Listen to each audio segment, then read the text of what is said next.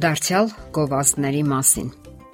Գովազդները մեզ հետաքրքրում են ամենուր։ Փողոցում, գովազդին հատուկ եւ ոչ հատուկ վահանակներից, ամենատարբեր չափսերի ու գույնի։ Հայտնվում են հենց քո կողքին, հայտնվում են օթում, որտեղ միայն հնարավոր է, հայտնվում են համացանցում եւ հեռուստացույցի էկրանին, ռադիոյի եթերում։ Որ մեկն ասես, երևույթը, որից թվում է բրծում չկա, կարելի է անվանել անգամ հոգեբանական ահաբեկչություն։ Եվ ահա ֆրանսիացի հետազոտողների մի խումբ ուսումնասիրել է համացանցային գովազդների ազդեցությունը մարդկանց վրա։ Նրանք եկել են այն հետևության, որ այդ գովազդների հետքը մնում է մեր ուղեղում ամբողջ 3 երկարուձիգ ամիսներ։ Որքան ժամանակ ենք մենք անցկացնում համացանցում օրվա ընթացքում։ Ընդհանուր առմամբ հազիվ թե 3 ժամից պակաս։ Ինչ տեղեկատվություն է ստանում մեր ուղեղն այդ ժամանակ, երբ մենք նայում ենք համակարգչի էկրանին։ Միանգամայն ակնհայտ է, որ այն ժամանակ, երբ մենք զբաղված ենք մեզ անհրաժեշտ նյութերը դիտելով կամ որոնելով, մեր արժև բազմաթիվ գովազդներ են հայտնվում։ Նրանք հայտնվում են վերևից, կողքերից, ներքևից,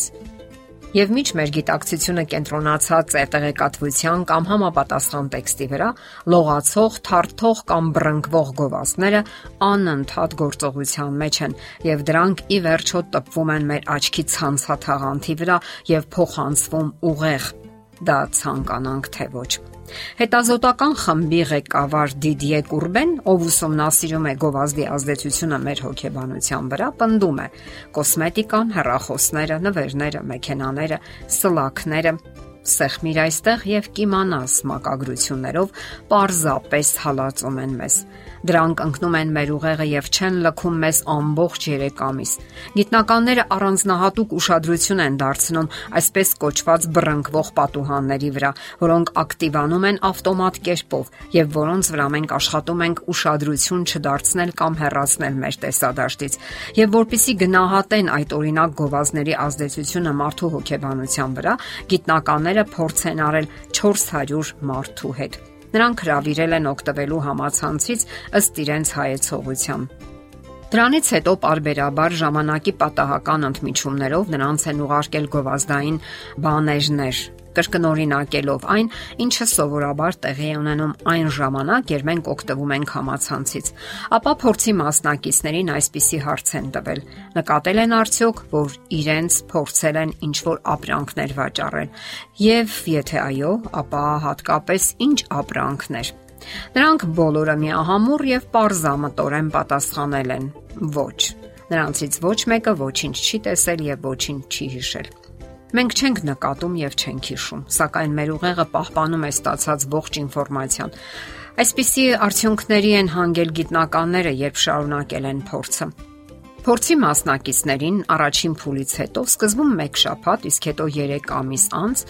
ներկայացրել են այն ապրանքները, որոնք գովազդել են փորձի ժամանակ։ Օգտվողները պետք է հնարավորինս արագ ճանաչեին դրանք եւ ասեին, ցանկանում են արդյոք գնել դրանք։ Գործնականում մտածելու համար ժամանակ համարյա թե չի պահանջվել։ Դա նշանակում է, որ նրանք այդ ապրանքները առաջին անգամ չեն տեսնում, որ նրանց ուղեղում մնացել են դրանց անվանումները կամ պատկերները կամ երկուսը միաժամանակ եւ շատերն են ցանկություն հայտնել գնումներ կատարելու։ Փորձից հետո առաջին 3 ամիսներին նրանք ցանկություն են հայտնել գնել այս կամ այն ապրանքը։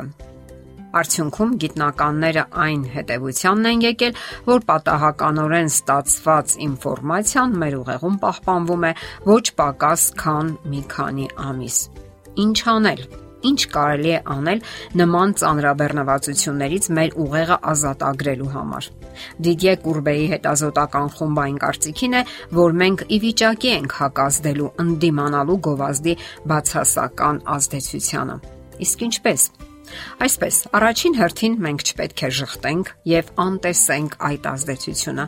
Մենք պետք է ընդունենք այն փաստը, որ գովազդը, որի ճնշման տակ ակամա հայտնվում ենք մենք, իր հետքն է թողնում մեր ուղեղի վրա։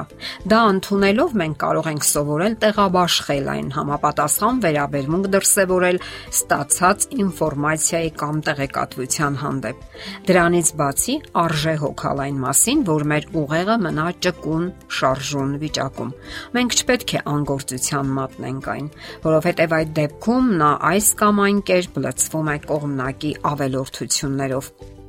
Ուղեղը պետք է պահպանել աշխատանքային վիճակում, սովորել խնամքով վերաբերվել այն ամենին, ինչն առնչվում է մեր ուղեղի, մեր գիտակցության հետ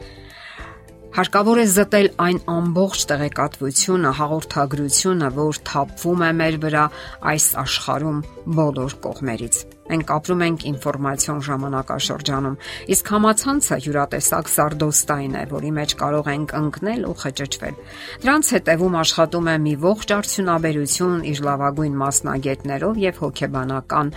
զենքերով Նրանք ունեն իրենց նպատակները, իրենց շահերը։ Գումարներ են աշխատում մեր անտեղյակության հաշվին,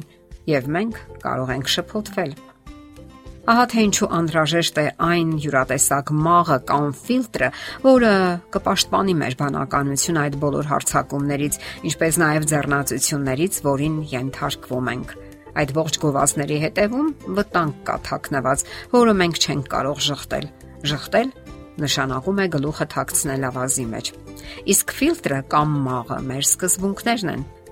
Ինչ ենք մենք գերադասում, ինչ նախապատվություններ ունենք, ինչի վրա ենք ուղղում համակարգչի մկնիկը։ Ահա թե ինչի մասին արժե մտածել։ Դե ինչ, եղեք զգոն եւ ուրախadir։